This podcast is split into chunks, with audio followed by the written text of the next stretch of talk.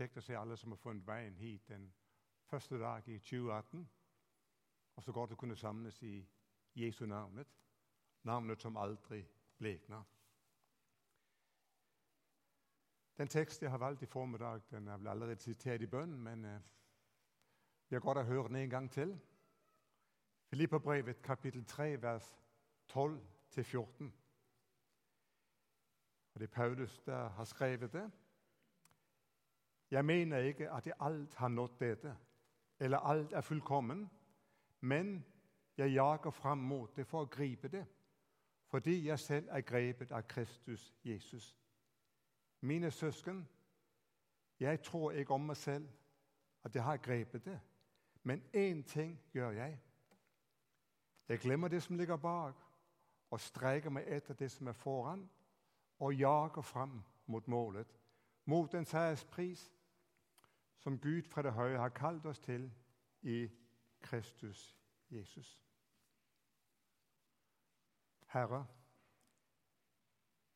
hellige oss i ordet. Ditt ord er sannhet.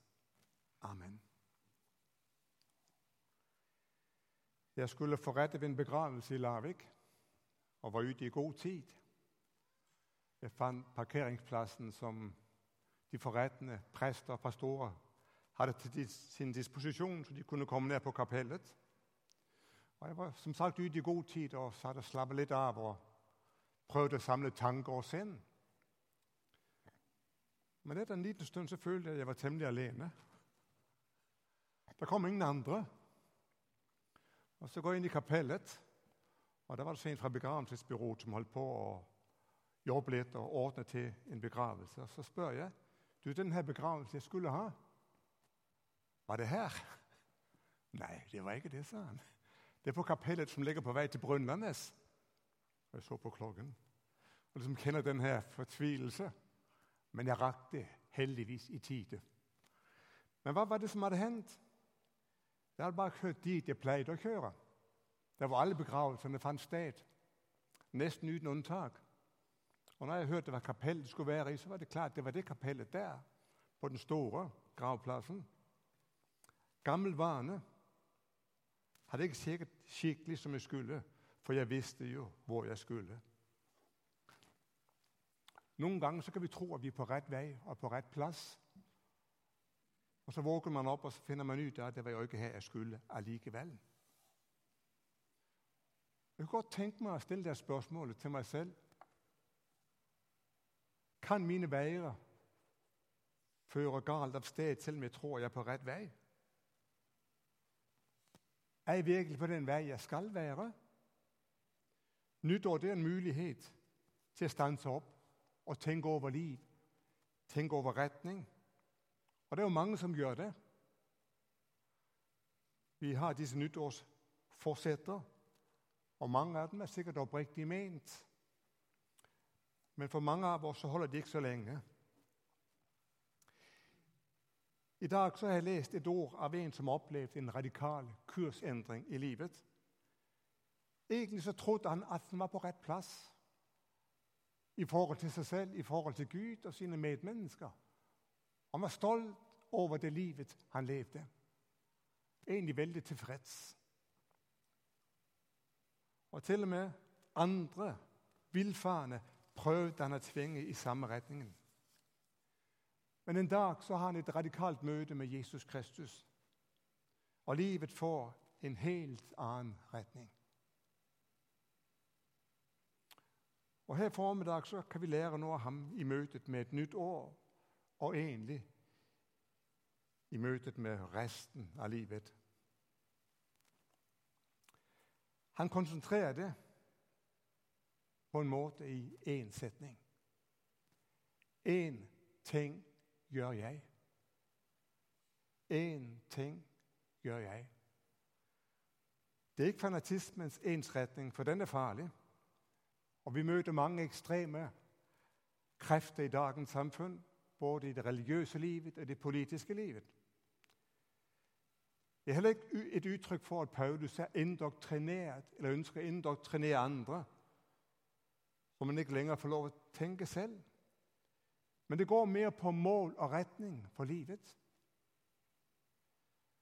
Og alle så deltar vi i et løp som må vendes. Og det er ikke en olympisk disiplin. Det er heller ikke et tilfeldig mosjonsløp. Det er et løp på liv og død. Evighet eller fortapelse. Og Et annet sted så skriver Paulus Vet dere ikke at på stadion deltar alle i løpet, men bare én får seiersprisen? Løp da slik at dere vinner den. Det viktigste det er ikke å delta i livet, men det er å vinne det. Og hvem vinner? Jo, den som når målet. Det er ikke et spørsmål om å komme først, men et spørsmål om å nå målet. Og den som vinner den, eller når det, vinner en seierspris.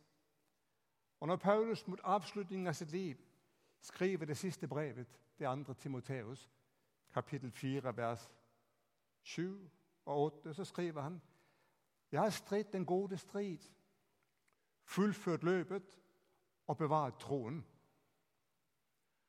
Nå ligger rettferdighetens seierskrans klar for meg. Den skal Herren, den rettferdige dommer, gi meg på den store dagen. Ja, ikke bare meg, men alle som med kjærlighet har ventet på at han skal komme. Jeg har fullført løpet, og nå ligger seierskransen laurbærkransen og venter på meg. Altså, Jesus skal stå ved målstreken og tas imot. Han skal overrekke med kransen, seierskransen. Og han skal si til, til deg og til meg, om vi fullfører Vel, du gode og tro tjener, gå inn til din Herres glede. Og Det venter en glede som ikke kan uttrykkes i ord eller følelser eller i bilder den dagen vi får lov å møte ham som han er. Og Ved det store målet så ligger bare seierskransen der venter. Johannes skriver det slik.: Mine kjære, nå er vi Guds barn. Og Det er ennå ikke åpenbart hva vi skal bli, men vi vet at når Han åpenbarer seg, skal vi bli ham lik.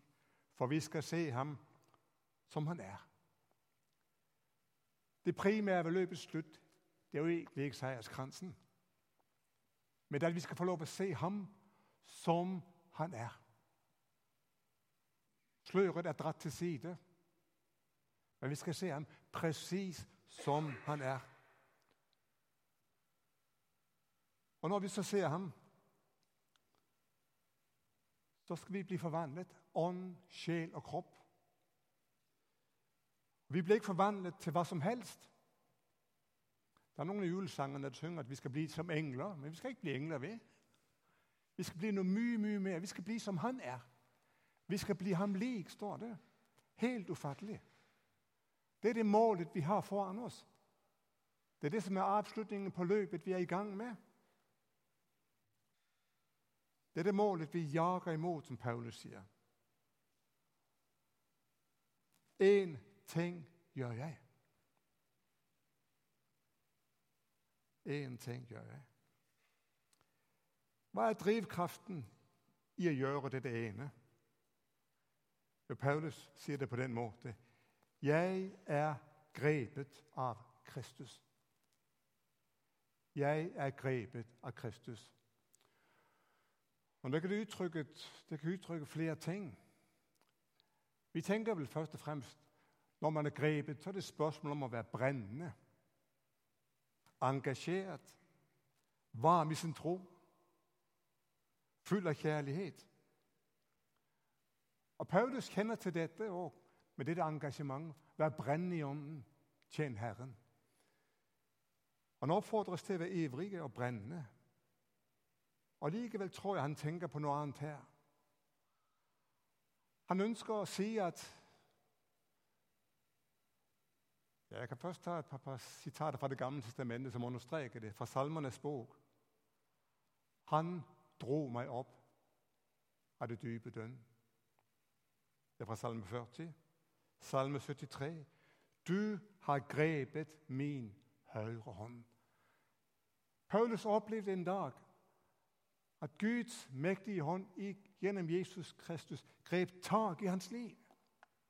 og løftet han opp fordi han ikke kunne befri seg fra selv. Han satte hans føtter på en klippegrunn. Han gav skrittene fasthet. Hans mektige hånd grep tak i hans liv. Du har grepet. Han grep inn i Paulus sitt syndige liv med sin mektige hånd, med kjærlighet, med godhet og fasthet. En hånd som ønsker å holde oss fast hele veien framover. Derfor har mitt liv en bestemt retning. Én ting gjør jeg, for jeg har kjent Hans mektige hånd i mitt liv.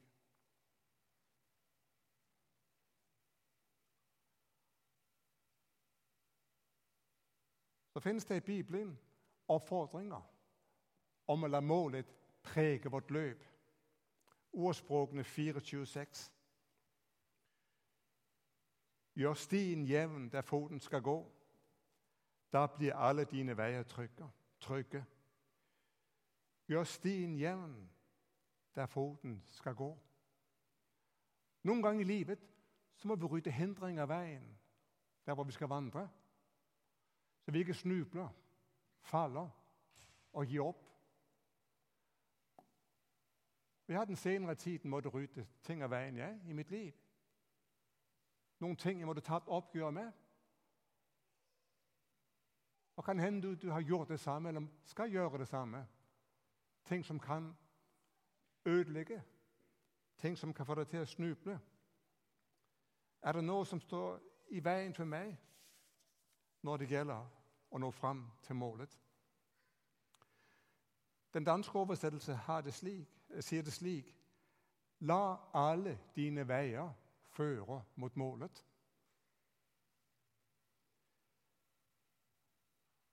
Alle dine veier.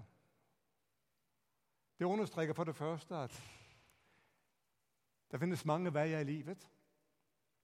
Selv om Paulus sier én ting gjør jeg, så er kristenlivet ikke et snevert liv. Men det er et rikt liv, det er et mangfoldig liv. Og Herren ønsker vi skal glede oss over alle livets gode gaver. Men når vi beveger oss av sted, så la alle dine, alt det du holder på med, alle dine veier, være preget av dette. Den ene tingen jeg er på vei mot målet. Det er en oppfordring til å la hele vårt liv være preget av det målet.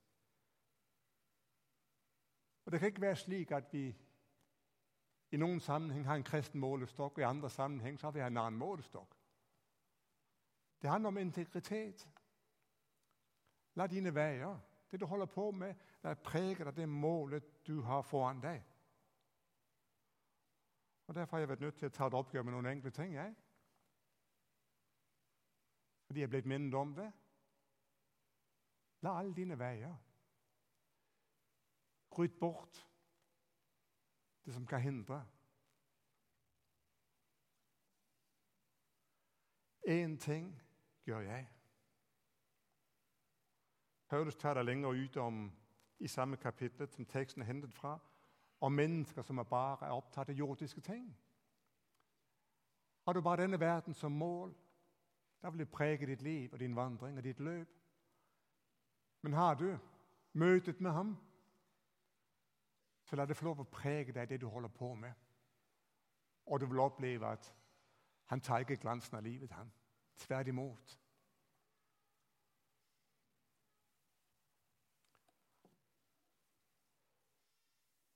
For å kunne gjøre den ene tingen da er det viktig at vi får plassert fortiden på den rette måte. Jeg glemmer det som ligger bak. Hva er det han mener, Paulus? Skal vi virkelig glemme alt vi har opplevd til denne dagen? Og hva er det å glemme? Alle så bærer vi vår historie med oss, på godt og vondt. En ryggsekk. Ved den der finnes det seire. I den finnes det nederlag. I den finnes det feiltrinn. I den finnes det opplevelser av noen mennesker du har såret. I den finnes det opplevelser av noen mennesker du har gledet. Der finnes dårlige minner, der finnes gode minner. Det finnes opplevelser av at Gud har vært med. Det finnes opplevelser av at Gud har virket fraværende. Og alt det vi har opplevd, har vært med på å sette sitt preg på oss og gjøre oss til dem vi er når vi sitter her i formiddag. Ja, hva skal vi gjøre med det? Det kan bryte forbindelsen og vil ikke vite av det. og vil ikke akseptere og anerkjenne det. Og Det kan vi gjøre som et land, som menighet, som enkeltperson. Ja. Og Da blir man som en lindanser der prøver å balansere på en linje der kun er fastgjort i én ende. Livet er et tau fastgjort i to ender, fortid, framtid. Og på det tauet der balanserer du.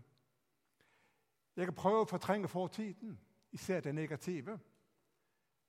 Men det er som når du som et barn prøvde å holde en ball under vannet. Plutselig så klarer du ikke lenger, så spredder den opp med en voldsom kraft. Og De ting vi prøver å fortrenge,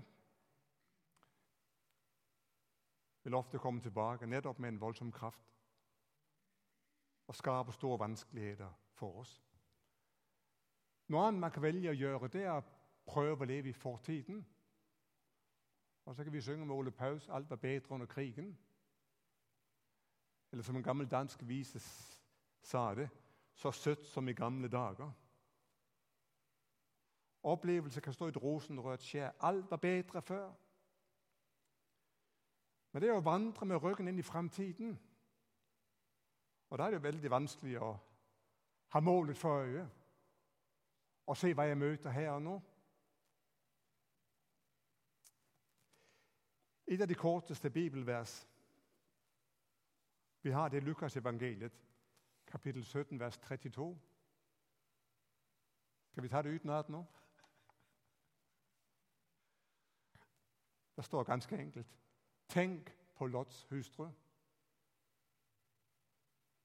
Tenk på Lots hustru. Hva er det Jesus ønsker å si med denne korte preken? Guds dom ramte Sodom og Gomorra. Lot og hustruen vandret ut av den. Men klart og tydelig var det kommet en beskjed. Se dere ikke tilbake. Og de vandrer ut med det forferdelige som skjer bak. Tanken kommer kanskje til fru Lot. Et siste blikk på det som var. Også på alt det gode vi har opplevd. Og han snur seg rundt og blir en saltstøtte langs veien. Må Gud hjelpe oss til å bli saltstøtter, til å leve i det som var.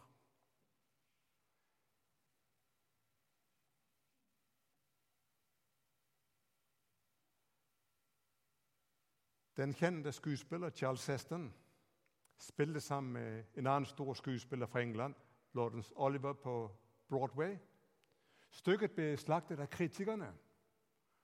Og Neste dag så satt de snakket om det. Og Charlton Heston han sier det er vel viktig å legge slik negativ omtale bak seg. Og det sier sir Lawrence Oliver. Det er like viktig å legge de positive ting bak seg. Å glemme. Oppfordringen er jeg kan ikke leve i det som var. Og det andre jeg skal ikke la noe i fortiden hindre meg i å komme videre. Og I den forbindelse, når det gjelder å glemme, så er det to ord som du skal få lov å ta med. Det første ordet det er tilgivelse.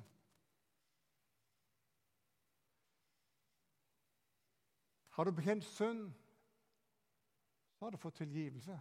Har du ikke bekjent den, jamen så få bekjent den. Synden forsvinner ikke fordi årene går, og tiden leker ikke syndens sår. Gud kaller fortsatt til oppgjør.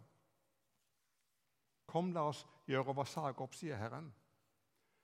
Om syndene deres er som purpur, skal de bli hvite som snø. Om de er røde som skarlagen, skal de bli hvite som ull.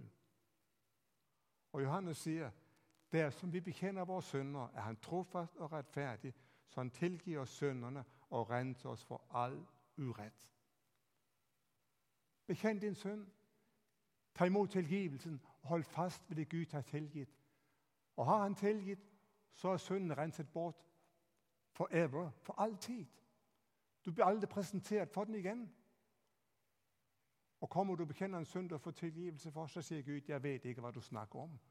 For det er renset bort for all tid.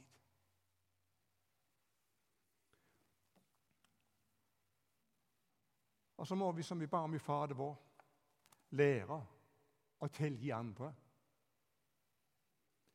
Vi møter ondskapen i mange slags avskytninger.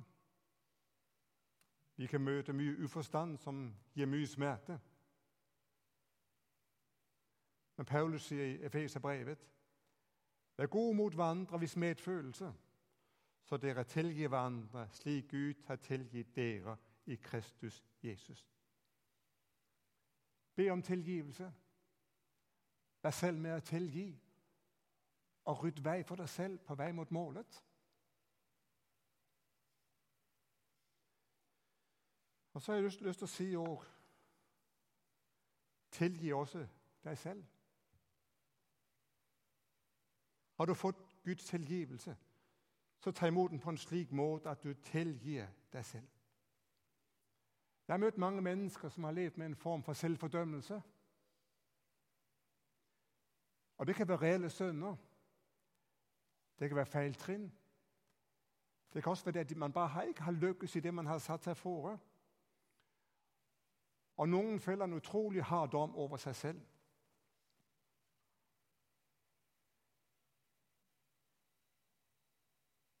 Men selv om vårt hjerte fordømmer oss, er Gud større enn vårt hjerte og vet alt, sier Johannes. Det er ikke meningen at du resten av ditt liv skal gå og avsone den dom du har idømt deg selv.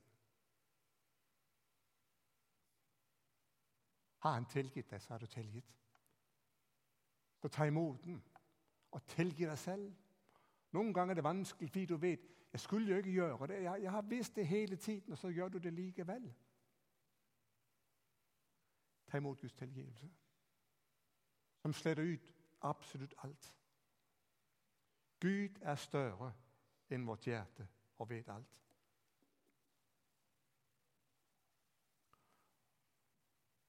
Det neste ordet det er ordet takksigelse. Der kan du føle at salmisten han sier noe helt annet enn Paulus. Det tror jeg bare ikke. Min sjel, lov Herren. Glem ikke alle hans velgjerninger. Glem ikke. Gud er en Gud som velsignelser. Er velsigner, ja. Gud er en Gud som velsigner. Men vi kan ikke leve i det som var, uansett. Hva er det salmisten ønsker å til oss? Tenk på at Gud har velsignet deg. Hit inntil Herren har hjulpet så vel, synger vi en gammel sang. Hva skal vi bruke det til? Jo, du skal bruke fortidens velsignelse til å løfte blikket opp her og nå. Den Gud som velsignet, er den Gud som velsigner i dag. Han har ikke forandret seg. Han er den samme. Så takk ham for all hans godhet så er det han som kommer i sentrum. Der kan du se oppover, og der kan du se framover. Hvis du bare lever de velsignelser som var, da kommer du til å gå i stå. Takk Gud for den. Se oppover, framover. Og så jager vi videre framover med det målet som er foran. Og det å jage, det er å være i bevegelse. Det er presen presens. Livet leves her og nå. Og Det var først da jeg satt og kjørte igjen prekenen her i morges, siste gang jeg plutselig tenkte at det står jo 'jage' to ganger. Det står 'jage' to ganger i denne teksten. Jeg har bare tatt det siste med og jager framover mot målet. Men uh, Paulus taler om i det første verset og jager framover mot det fullkomne. Det betyr at vi allerede her og nå ønsker at livet skal være i vekst. Vi kommer aldri til å nå det, men det må være en, en retning etter Herre. Jeg ønsker å komme lenger i 2018 enn jeg var i 2017. Herre, jeg ønsker å bli enda mer preget av den du er. Du grep meg, jeg ønsker å gripe enda mer tak i deg. Og kjenne enda mer den hånd som grep meg. Jeg ønsker å kjenne ditt faste trygghet i mitt liv, Gud. Jeg ønsker å komme videre. Og så må vi spørre kom vi videre i 2017. Kom vi virkelig videre? Står vi på stedet hvil, eller har vi gått et par skritt tilbake? Herre, la oss være på vei framover.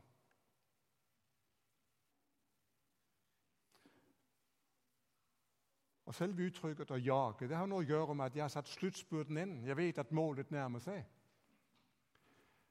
Nå tror jeg ikke at det i denne sammenheng handler om at hva skal jeg si, at utviklingen er like fort for alle og enhver. Det er den ikke. Noen beveger seg langsommere enn andre. Men det viktigste er at vi beveger oss framover, og at vi er på vei mot målet. Så ligger seiersprisen og venter oss. Den store dagen kommer nærmere for hver dag som går. Jeg husker da min far døde. Jeg syntes det var for tidlig. Jeg var ikke fullt 30 ennå, men uh, det er noen som har opplevd enda tidligere. Da tenkte jeg en del på, på, på, det med himmelen. Hva er det med himmelen som er så spesielt?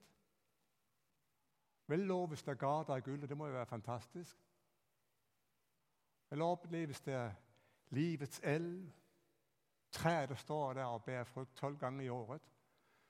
Men plutselig slo det meg Himmellengsel det er jo primært Kristus lengsel. Det er han jeg skal møte primært. Det er han jeg skal se som han er. Det er lengselen etter ham som må være drivkraften i det jeg holder på med. Jeg vil ønske å gripe målet med hendene før føttene har kommet fram. Litt foroverlent. Sånn skal livet være mens vi jakter mot målet. Så er det 1. januar 2018.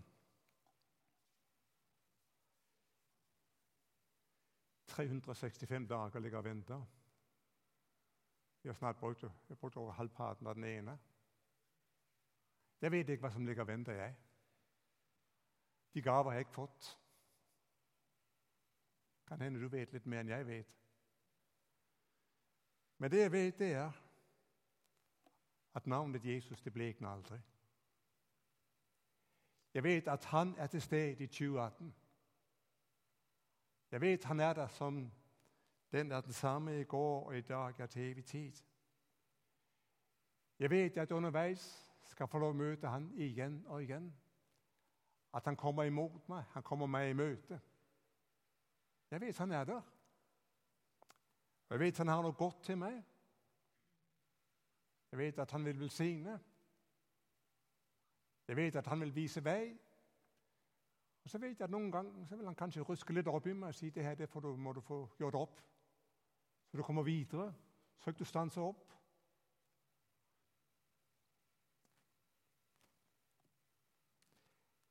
Himmellengsel, det å være målbevisst på den måte, det skal ikke gjøre oss fjernt fra livet her på jorden. For da har vi en feil himmellengsel. Er vi vendt mot ham, da har vi også blikk for dem vi vandrer sammen med. At de skal få det samme målet.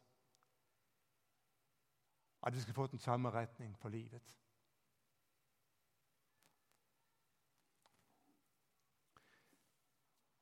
Fra de gamle romere så har vi fått litt forskjellige uttrykk. Og Et av uttrykkene det er dette Quo vadis? Hvor går du hen? Du er på vei. Du er på vei. Og Fra den gamle vekkelsesforkynner Frank Mang så har jeg lært alle er på vei hjem. Hva mente han med det? Jo, har du himmelen som ditt hjem, så er det der du er på vei. Har du dagen som ditt hjem, så er det der du er på vei. Hvor var det? Én ting gjør jeg. La oss be sammen. Jesus Kristus, takk for ditt navn. Takk for din person. Takk for din seier. Takk for at du har gjort en plass rede for oss. Og en dag skal vi få lov å se deg som du er. Og så ber jeg om at vi må være målbevisste. At vi vet hvor vi er på vei hen, og at det får lov å prege oss også i det året vi nå går inn i.